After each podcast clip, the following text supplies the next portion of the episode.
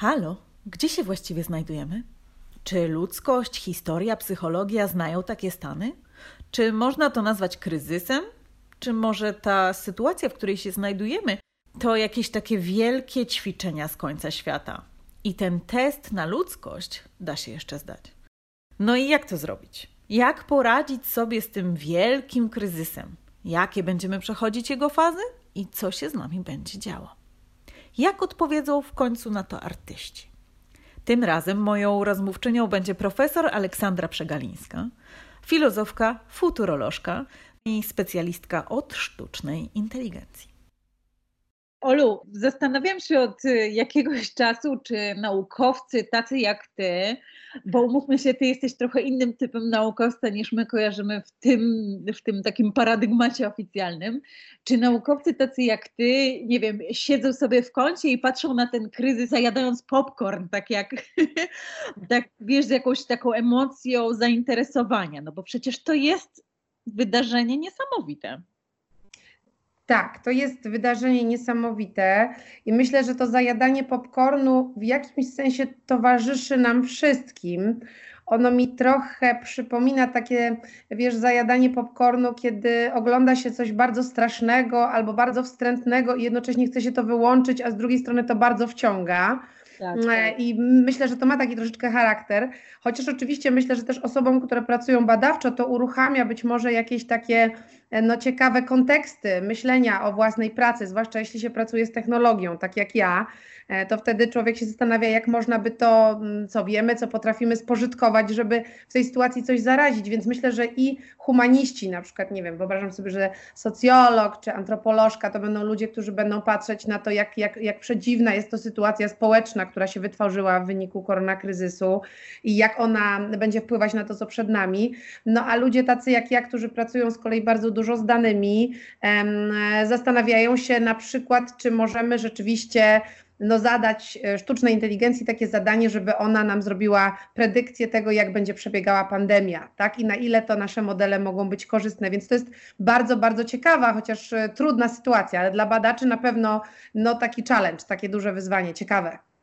Jak e, mówi się o pandemii, to niektórzy mówili: OK, zwolnimy, zwalniamy, wszystko zwalnia, bo gospodarka zwalnia, ale tymczasem przyspieszenie jest na zupełnie innych polach Y, i ono może nie być widoczne, czy jego, może nie być widoczne w tym momencie, bo na przykład myślę tutaj o chociażby o zdalnej edukacji, że ona tak naprawdę jeszcze na razie jest kijowa, ale w ogóle jest. Zostaliśmy zmuszeni w krótkim czasie posięgnięcie o, y, po, o, dosięgnięcia po wiele rzeczy, które do tej pory były takie no, wymyślone i nawet y, zrobione, ale jednak nie zaaplikowane, bo człowiek jednak ma taki no, naturalny chyba opór przed nowymi rzeczami. Ty masz też takie poczucie, że to, co na przykład ty, czym ty się zajmujesz, nagle przyspieszyło gwałtownie? Mm, tak, bardzo. I mam nadzieję, że tak zostanie, mówiąc szczerze. Byłabym strasznie rozczarowana, gdyby tempo spadło. Znaczy, zdarzyły się bardzo ciekawe rzeczy, e, ale najpierw może się odniosę do tego, co powiedziałeś wcześniej o tym przyspieszeniu i spowolnieniu, bo ja na tak. przykład nie jestem w grupie ludzi, którzy pieką chleb w tej chwili tak. E, i jakoś mają szansę doceniać życie takim, jakie ono jest i tak dalej. I prawdę mówiąc, trochę się zrzymałam nawet na to w mediach społecznościowych, bo ja należę do tej grupy chyba dosyć niemałej, której przybyło pracy tak. w czasie kryzysu. Oczywiście wiadomo, to jest przywilej, że w ogóle można pracować, bo są tacy, którzy pracę stracili, ale z drugiej strony jest też tak, że e, przez to, że ta praca jest w domu e, i przez to, że ona jest w jakiś sposób inna też niż ta, która była wcześniej, no z tego, co raportują media i rozmaite tam raporty się pojawiają na, na ten temat e, też takie branżowe, ludzie pracują jakieś trzy godziny więcej niż wcześniej. Tacy ludzie, których praca jest często po prostu oparta na wiedzy, tak zwani knowledge workers. I rzeczywiście to w moim przypadku jest tak, że ja dostałam po prostu zadyszki ostatnio. I, i właśnie to też chyba mówi nam trochę o tym, że strasznie różne są te trajektorie. Ja naprawdę podejrzewam, że są tacy, którzy zwolnili, którzy mieli szansę się nad czymś zastanowić. Nawet wczoraj rozmawiałam z jedną koleżanką, e, która właśnie mówiła, że jej pandemia tak przebiegała. No w moim przypadku też mamy, że tak powiem, w domu z dzieckiem w edukacji zdalnej, co też jest wyzwaniem i przy moim trybie pracy to się okazało raczej wydłużenie tej pracy i bardzo duże przyspieszenie. No ale właśnie w takim też szerszym planie, o jakim Ty powiedziałaś, ciekawym, to myślę, że doszło do takiej wymuszonej transformacji cyfrowej, na pewno. To widać bardzo wyraźnie. E, firmy czy organizacje, ja pracuję na, Akademii Koźmińskiego tutaj w Warszawie, to pamiętam, że mowa o takiej e, cyfryzacji zajęć i edukacji zdalnej, na, takiej opartej na digitalu, to była dosyć długo. No i robiliśmy różne rzeczy, ale ta sytuacja wymusiła niesamowitą akcelerację. To znaczy taką, że nagle w dwa dni wszyscy przestawili się po prostu edukację zdalną, bo trochę nie było innego wyjścia i musieli się nauczyć pewnych narzędzi, które, tak jak też słusznie powiedziałaś, są trochę niedoskonałe, ale są i były, co jeszcze śmieszniejsze. One były. One były dwa lata temu, trzy lata temu, cztery lata temu, ale były właśnie tak traktowane trochę po macoszemu. Ja właśnie mam taką anegdotę, że jak pracowałam e, na Harvardzie, robiłam taki wykład wspólnie z takim starszym profesorem, to tam była taka opcja, że e, dziewięć osób siedziało w sali, a pozostali łączyli się już wtedy przez Zooma. E, jako tam opcja Zoom in the Room, chyba to się nazywało. I pamiętam, że podłączanie tych ludzi z Zooma było takie, o Jezu, jeszcze ci z Zooma. Jeszcze pamiętajmy o tych Zooma, jeszcze tych trzeba podłączyć po prostu. I że ci, którzy byli na sali, to byli tacy, którzy naprawdę byli studentami, a ci z Zooma to byli tacy troszeczkę jednak dziwni. No w tej chwili chyba już nikt tak nie powie, prawda, po, tym, po tych dwóch miesiącach, które mamy za sobą. No, ci z Zooma to będą ci, którzy będą pewnie z nami w różnych formatach zdalnych się uczyli i być może często będą tymi, których będziemy chcieli jak najlepiej obsłużyć, bo różnie może z tymi pandemiami być. I, e, i tak sobie myślę, że to jest bardzo ciekawe. No a w mojej dziedzinie to po prostu jest trochę szał, to znaczy szał na taką e, sztuczną inteligencję, która by służyła ludziom. Już wcześniej, jak był kryzys klimatyczny, on oczywiście trwa, to mowa była o tym, że trzeba wykorzystać e, AI, sztuczną inteligencję do tego, żeby gdzieś temu kryzysowi klimatycznemu zapobiegać, ale to było takie trochę czcze gadanie, niestety, według mnie. A teraz, jak jakiś problem stał się naprawdę bieżący, palący, jak ten koronawirus, to nagle się okazało, że ta sztuczna inteligencja to nie ma być tylko w firmach do optymalizacji jakichś tam procesów, czy cięcia kosztów, czy czegoś takiego, tylko że ona ma rzeczywiście być pomocnym narzędziem w szukaniu leków, w diagnostyce, w terapii, e, właśnie w modelowaniu pandemii, więc na pewno jest bardzo duża wrzawa, bym powiedziała, taki szum w tej naszej dziedzinie, mm, e, tego co możemy zrobić z tym no, ciekawym narzędziem, które mamy, żeby rzeczywiście jakoś spać, no, może trochę naprawić tą sytuację. Jak sobie słuchałam e, debaty oksfordzkiej, której brałaś udział, to jedną z rzeczy, która... To było ciężkie. Powiedz jeszcze raz. Ciężkie doświadczenie to było dosyć, muszę powiedzieć. Ta debata była bardzo interesująca, ale była, no była na pewno ciężkim starciem, bym powiedziała. Opowiedz, bo to jest e, debata, która jest zrobiona na, y, przez, jak się nazywa te, to, to, to niesamowite stowarzyszenie? Nie, nie, bo ja nigdy, nie, nie, nieodpowiedzialni? Dobrze mówię? Nie nieodpowiedzialni, czyli podwójne zaprzeczenie, co wychodzi, że odpowiedzialni. I um, słuchałam tej debaty oksfordzkiej, oczywiście polecam w ogóle wysłuchanie jej, ale ja się zderzyłam z czymś takim, że my po prostu nie mamy, albo niektórzy z nas może, nie mają jeszcze już nawet nie sposobu myślenia, ale języka, opisu tego, co się w tym momencie dzieje, przez co oczywiście wtedy wpadamy w stare kolejny, że my nie wiemy w ogóle, jak mówić o tym e, kryzysie. Jakiś włącza nam się sentymentalizm, zaczynamy, nie my, ale część, bo to też było interesujące, że to e, była trochę debata kobiety na mężczyzn, e, że, że, że, że ci naukowcy, którzy mówili o starych, dobrych czasach, w których edukacja była porządna, że kiedyś to tak było wspaniale, że system wyglądał tak a tak, że oni mówili już jakby językiem, który dla wielu jest już nieaplikowalny.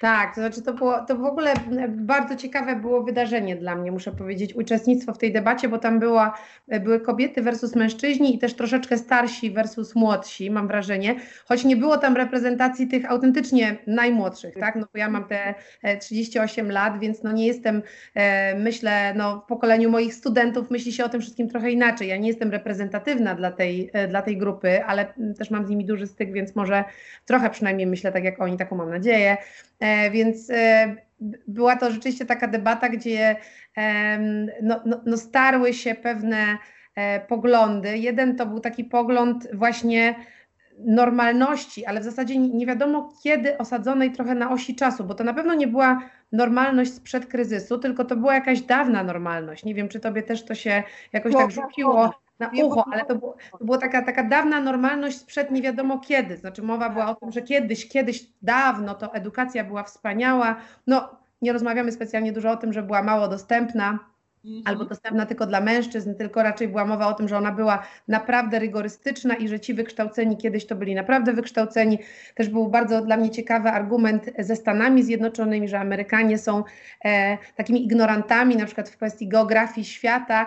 No i ja jako osoba, która bardzo dużo czasu spędza w Stanach, zaczęłam się właśnie wtedy zastanawiać, a kiedy nie byli tymi ignorantami? Czy rzeczywiście był ten czas, kiedy masowo w USA wszyscy dokładnie wiedzieli, gdzie leży Estonia na przykład. I to jest mhm. e, no, dla mnie bardzo, bardzo ciekawe to było, to odniesienie do jakiejś przeszłości, którą pogrzebaliśmy być może przed kryzysem, która kiedyś była świetlana i tej makabrycznej przyszłości, która się rysuje przed nami, w której walnie uczestniczą no właśnie jacyś niewyuczalni młodzi. No cóż, z moim... Yy, oglądem sytuacji to się niespecjalnie zgadza, bo moi studenci są szalenie zaangażowani. Teraz w kontekście korona kryzysu robili sami szereg projektów, brali udział w hakatonach e, na rzecz zwalczania koronawirusa, są świadomi ekologicznie, oni myślą o jakimś nowym świecie i widzą jakieś nowe możliwości, są głęboko świadomi problemów, które mamy, ale też patrzą na to wszystko trochę inaczej. Nawet to, że milenialsi, tak się mówi, często nie są motywowani tylko zyskiem tak, w swoim życiu, bo w tej debacie było bardzo dużo o, o takim bilansie ekonomicznym tego wszystkiego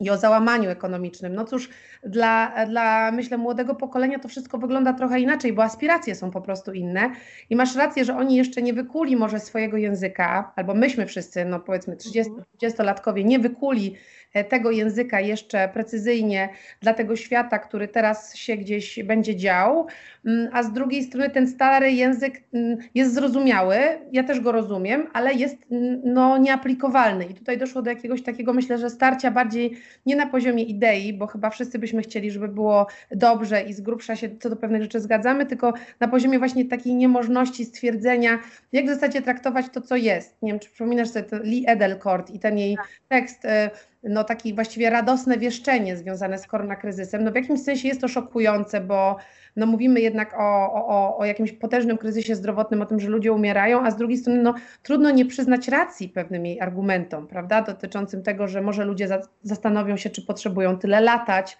że ten ekonomiczny, bilans zacznie trochę inaczej działać, może przestaniemy, jakby porzucimy boomerskość, o, przestaniemy w jakiś tam sposób działać, który jest po prostu bezproduktywny w tych czasach i w tych wyzwaniach. Także no, mega, mega ciekawe to są rzeczywiście rozkminy i bardzo ciekawy czas. To też jest e, ciekawe, co powiedziała Zuza Skalska, Zuzanna Skalska, e, badaczka w, tym, e, w tej debacie. Ona po prostu też zwróciła uwagę na to, że jest to taka trochę rewolucja matczyności nad ojcostwem czyli zwróciła uwagę na ten taki pierwiastek miękki, żeński, pierwiastek zmiany, a nie osadzania się, który, umówmy się, jest widoczny tutaj w tym dyskursie cały czas, to znaczy tego, że już nigdy nie będzie tak, jak było, albo te zasady padają, no to już pogrążymy się w chaosie, oczywiście zapominając, że z chaosu często wy, wyłaniają się najpiękniejsze rzeczy. Świat wyłonił się z chaosu. Więc e, masz też takie, no to ciekawa była, ciekawa. To znaczy na pewno Zuzka tu e, ciekawe też takie konteksty wrzucała, no bo teraz chyba wszyscy sporo czytamy na temat działań rządu Nowej Zelandii, który sobie tak. znakomicie poradził z koronakryzysem. E, premier Jacinda Ahern, chyba tak ona się nazywa, jeśli przekręciłam jej nazwisko lub imię, to bardzo przepraszam, ale rzeczywiście rzeczywiście y, tam parę razy czytałam różne teksty dotyczące tego, jak ona sobie z tym poradziła, jak w ogóle przestawiła pewne nawet modele gospodarcze, prawda? Tak obstawiając e, dobrostan ludzi nad PKB. I mm, oczywiście można też powiedzieć, że e, Nowej Zelandii w takim koronakryzysie łatwiej sobie radzić chociażby z pozycji jej, bo jest to no, insularna sytuacja, znaczy to jest wyspa, która jest e, odseparowana, więc oczywiście to jest pewnie coś innego niż przepływ ludzki, gdzie się, się jest osadzonym w środku kontynentu i ona ma troszeczkę fory, tym sensie, ale z drugiej strony jej język, którym ona operuje i styl myślenia i prezentacji priorytetów jest na pewno bardzo inny, powiedzmy od takiego, który prezentuje Bolsonaro, e, Trump e, czy kilku innych liderów, którzy no właściwie e, gdzieś, tak, wszyscy mają około 60, 70, też dużo i chętnie mówią o tych starych czasach, które były lepsze, lata 50., 60., wspaniała prosperity i tak dalej albo 90, więc y, wydaje się, że, że, że to jest bardzo ciekawe, tutaj ten, ten rejestr właśnie myślenia o, o, o kobietach, ale ja myślę, że tu właściwie nie o kobiety chyba chodzi, tylko o pewien styl przywództwa, który każdy może i każda sprawować. To znaczy przywództwa e, opartego na jakimś kooperatywizmie, na różnych modelach współpracy, na budowaniu społeczności zorientowane na jakieś cele, które są skuteczne, które się konsolidują wokół swoich celów i bardziej współpracują, a mniej konkurują. E, to zrobię tylko taki mały wtrend, że myśmy z Darkiem Jemielniakiem napisali właśnie taką książkę ostatnio, Społeczeństwo Współpracy. Ona się najpierw w MIT ukazała jako Collaborative Society i jak pisaliśmy tą książkę, Podarek jest y, zapalonym wikipedystą i bardzo jest zapatrzony w ten model działania Wikipedii jako wolontarny, gdzie ludzie tam sami dokładają się do tego, żeby tą wiedzę o świecie jakoś w najlepszy możliwy sposób, tak jak potrafią, porządkować. No a ja z kolei wychodzę z tego świata technologii. Um, trochę się spotykamy oboje w open source i napisaliśmy taką książkę i pamiętam, że przy rozmowach z wydawcą jeszcze rok temu, kiedy ta książka już była finalizowana, to, to takie były dyskusje na ten temat, no czy to nie jest ten kooperatywizm, to aby zmierzchu swojego trochę nie przeżywa, no że był ruch open source'owy, że te początki internetu też były takie open source'owe i otwarte, ale gdzie my z tym teraz tutaj do ludzi, skoro to tak jakby wymiera i w zasadzie jest zawłaszczane przez jakieś prywatne e, platformy typu Uber, które mówią, że są o dzieleniu, a tak naprawdę są o zysku.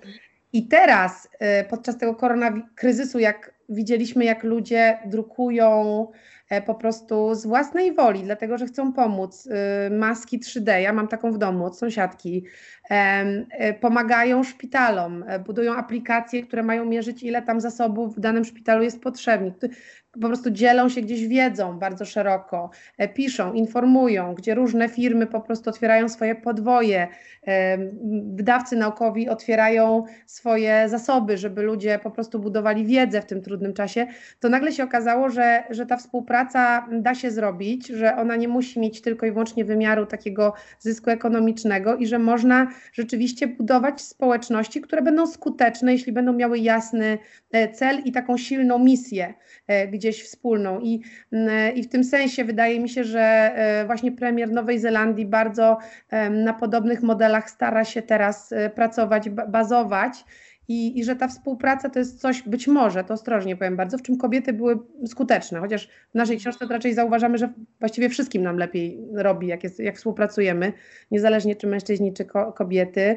Mm, I i rzeczywiście, że gdzieś taki styl negocjowania, e, bardziej konsensualny, ale też oparty na wspólnym wysiłku, gdzie nie ma e, jednego aktora, wokół którego wszyscy skaczą, to jest coś, co być może w tych trudnych czasach lepiej wychodzi. Więc no, mi się to składa trochę z tym, co mówi Zuzka jak e, mówisz o Jacindzie czy Jacindzie, która przychodzi mi na myśl tylko jedna rzecz. Ona się bezpośrednio komunikuje każdego dnia ze swoimi, e, z, z Nowozelandczykami. Włącza sobie po prostu kamerę i robi live'a i opowiada o tym, co zostało zrobione, jak zostało zrobione, e, wspiera. I dla mnie ona jest ciekawa również pod tym względem, że omija ona takie tradycyjne media, które według mnie w tym momencie nie nadążają E, za mm, tym, o czym ty wszystkim opowiedziałaś, czyli nie informują o tych super e,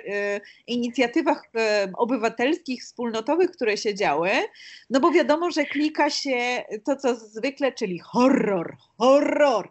Mhm, I mhm. te wszystkie doniesienia, że tutaj wszyscy umrzemy i w ogóle jak jest najgorzej i tu się wszystko zawaliło, wiadomo, że one będą zawsze na samej górze tego, tego tych wszystkich wszystkich naszych internetowych e, periodyków czy, czy portali. Natomiast e, też widzę, że zmienia się w ogóle nasz sposób e, dystrybuowania informacji, odbierania informacji, przychodzimy na inne kanały, zaczynamy się uczyć nowych sposobów. To jest mm. wyjątkowo sytuacja, która doprowadza do takiej też zmiany, prawda? No tak, bo to się spłaszcza w jakiś sposób i to jest bardzo ciekawe. E, w ogóle ona się nazywa Jacinda Ardern, nie Ahern. Ja nie miałam racji, ale w każdym razie pozdrawiamy. I wiesz co, znaczy mi się wydaje, że e, na przykład dla mnie, ostatnio zwłaszcza, te, te źródła informacji się zweryfikowały. Ja od dawna nie mam telewizora i e, mm. no, zdarza mi się współpracować oczywiście z, z mediami tymi dużymi powiedzmy i staram się jakby gdzieś tam takim duchu popularyzacji rzeczywiście mm, no, rozmawiać ze wszystkimi, ale na przykład ja sama, jeśli chodzi o to modelowanie pandemii, jak chciałam coś przekazać swoim studentom, a nie chciałam, żeby to był taki gęsty bardzo tekst naukowy, mega trudny, bo oni się dopiero uczą e, tego uczenia maszynowego sami, to korzystałam z takiej platformy jak Medium, gdzie zresztą były e, teksty właśnie, które i nie tylko zresztą, tam jest taki specjalny outlet, który się nazywa Towards Data Science, gdzie są bardzo produktywne rozwiązania, gdzie eksperci z danej dziedziny w mniej lub bardziej udany sposób, ale piszą o tym, co im się udało zrobić i co chcieliby robić z innymi, tak z grubsza. No i tam powstał ten słynny e, model Dance and Hammer, czyli tego, jak traktować e, pandemię, tak, że najpierw powiedzmy robimy totalny lockdown, a potem jakoś trochę próbujemy tańczyć z tą epidemią, tu, tu wygaszając, tam otwierając, tu rozmrażając, tam zamrażając. I rzeczywiście jakiś data scientista to opublikował i to było szerowane przez takie wielkie outlety medialne jak New York Times, no mhm. ale no, no, no, gdzieś jakby, prawda, tam, tam, tam było źródło tej, tej wiedzy i tej merytorycznej, e, merytokratycznej wręcz eksperckiej mhm. dyskusji. I w tym sensie mi się wydaje, że no po pierwsze to ma właśnie bardziej charakter taki wspólny, bo to medium to jest jednak blogosfera, gdzie ludzie dodają coś swojego, jest taka żywa dyskusja, to co napisałeś mi się nie podoba, a to co ty napisałaś mi się akurat podoba, a z tym się nie zgodzę, a proszę zapraszam do mojego artykułu, pokłóćmy się trochę.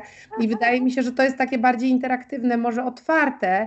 Mm, i jestem świadoma, że pewnie bardzo duża część populacji nadal no, korzysta z tych takich top-down mediów, takich z góry na dół, prawda? Takich, że gdzieś grupa ekspertów się wypowiada, niespecjalnie jest szansa zadać im pytanie, po prostu oni mówią jak jest i e, mówią to w określonym czasie i tylko wtedy można ich usłyszeć i tak dalej, a później już nie. E, albo z trudnościami. Natomiast e, rzeczywiście e, gdzieś teraz ten koronakryzys ujawnił, że taka wiedza, która ma produktywny charakter i pozwala coś zrobić z tą sytuacją, gdzie ludzie nie chcą być tylko przerażeni, ale myślą sobie, no dobra, no okej, okay, jest bardzo źle, co mogę zrobić? No, że ona jest współtworzona tam, gdzie tych poważnych outletów często po prostu nie ma. No, także tak to widzę jak przysłuchiwałam się dyskusji, która brzmiała, e, czy świat po koronawirusie będzie, e, że będzie lepiej, czy będzie gorzej, to myślałam sobie... Jak... Pytanie swoją drogą w ogóle niesamowite. No właściwie, e, bo tutaj pyta, też zadane pytanie gdzieś z zewnątrz było bardzo trafne. Czy my się w ogóle zmienimy, czy też oprzemy się tej zmianie? ty widzisz, jakby w twojej dziedzinie jest przyspieszenie, ty masz mnóstwo obowiązków, no że tak, kurde, możemy oporować i oporować. Im bardziej oporujemy, tym bardziej nas boli oczywiście, e, ale że ta zmiana jest y, no, nieunikniona. Ona się już po prostu wydarza i w jaką stronę ona pójdzie, no to oczywiście nie jesteśmy w stanie być może tego y, przewidzieć, ale, ale się dzieje, prawda? E, ja myślę, że się dzieje, chociaż to pewnie jest bardziej skomplikowany obrazek dla nas wszystkich, e, dlatego że, mm, no zobacz, teraz doszło do częściowego przynajmniej odmrożenia gospodarki. E, to wszystko w towarzystwie przepięknej pogody w wielu miejscach, przynajmniej w Polsce powiedzmy teraz jest piękna pogoda i lato nadchodzi, więc ja widzę ludzi na ulicach, którzy no, no desperacko łakną normalności, nie nowej, tylko starej. To znaczy tej, w której mogli być z innymi ludźmi, spotykać się, nie wiem, sobie kupić kawę czy pączka, po prostu iść na spacer ze znajomymi i tak dalej. I absolutnie to rozumiem. To znaczy, absolutnie rozumiem tą potrzebę interakcji, rozumiem tą, ten, ten pewnego rodzaju sentyment za tym, co było, co było dobre, co było fajne, co, co, co sprawiało gdzieś tam ludziom radość, więc e, dużo osób mi mówi, że no okej, okay, no był taki moment przestoju, ale e, i tak sobie nie możemy ekonomicznie pozwolić na kolejny taki bardzo twardy lockdown, więc będziemy wracać do tej starej normalności i to gadanie o tej nowej, nowej normalności to było mocno na wyrost, bo mówiliście o tym w takim najtrudniejszym czasie, kiedy ten koronawirus tak mocno trzasnął, a teraz jak już to się będzie luzowało, to my będziemy sobie powoli wracać do tego, jak było. I I pe pewnie częściowo to jest prawda, ale tylko częściowo, dlatego że z drugiej strony to jest tak, że to, o czym chyba ty i ja sobie tutaj mówimy, to jest coś innego, co dlaczego koronawirus był tylko i wyłącznie katalizatorem. Tak. Mówimy o generacyjnej, dosyć potężnej zmianie, e, którą obserwowaliśmy przy okazji strajków klimatycznych młodzieży, którą obserwujemy w kontekście, nie wiem, dyskusji na temat blockchainu, na temat e, powiedzmy wypłaszczenia e, waluty, która się już zaczęła gdzieś tam e, przy okazji kryzysu w 2008-2009 roku finansowego, tak, gdzie ludzie powiedzieli sobie, ok, no ta polaryzacja, gdzie większość nie ma nic, a milionerów na świecie jest, czy miliarderów jest kilku i mają tyle, co cała reszta, bili, miliarderów, miliarderów, no nie wiem, Google miliarderów, czy jak tam można nazwać. Bardzo tych, bogatych ludzi. Bardzo, bardzo, bardzo bogatych ludzi. E, że, że, to wszystko tak naprawdę składa się w jedną całość, że wtedy była dyskusja o tym, że no, wyprowadzamy się ze świata spekulacji walutami, próbujemy tworzyć własną kryptowalutę, prawda? Nie, nie interesuje nas e, tamten model. A właśnie tutaj z drugiej strony kwestie klimatyczne, że tego jest bardzo dużo i to przychodzi do nas z bardzo wielu różnych kierunków, gdzie widać zmianę generacyjną i po prostu nowe pomysły na pewien na pewien ład. To też dotyczy całej dyskusji no, w sprawie granic, e, um, prawda, globalizacji, tego jak postrzegać wspólnoty i społeczności, jaki one powinny mieć charakter, ale dotyczy też innej bardzo ciekawej dyskusji, globalne versus lokalne, prawda, gdzie ten lokalny trend na lokalność, na to, żeby powiedzmy korzystać z zasobów, które są tutaj, też bardzo mocno się w ostatnich latach e, pojawił i na przykład moi studenci bardzo są w stosunku do niego e, entuzjastyczni, e, gdzie ja powiedzmy jeszcze parę lat temu czułam się świetnie podróżując, a przez ostatni rok to głównie czułam się winna, że gdzieś latam, mimo że mi się wydaje, że latam z dobrą intencją, tak żeby podzielić się wiedzą albo skorzystać z czyjejś wiedzy i, i coś, coś sensownego zrobić czy zbudować, to jednak miałam z tym mega problem, z tym swoim lataniem, wstydziłam się tego trochę i, i to jest, to jest zmiana, to jest zmiana odczuwalna. I teraz ten korona kryzys po prostu jest katalizatorem tej zmiany, gdzie po prostu pewne rzeczy widać może lepiej niż było widać wcześniej. No ale to nie jest, wiesz, to nie jest tylko korona kryzys, to jest dużo większa rzecz, która po prostu maszeruje, moim zdaniem naprzód, czasem szybciej, czasem wolniej, ale, ale na pewno się posuwa naprzód. Y, czy jest coś, o czym należałoby jeszcze wspomnieć, coś, co Cię szczególnie ekscytuje, może z Twojej dziedziny albo z czegoś, co widzisz e, hmm. w ogóle, co pojawiło się albo trochę zostało wyeksponowane przez ten e, kryzys? Dwie rzeczy. Jedna taka zupełnie taka mm, bardziej mm, może domowa, a druga taka większa.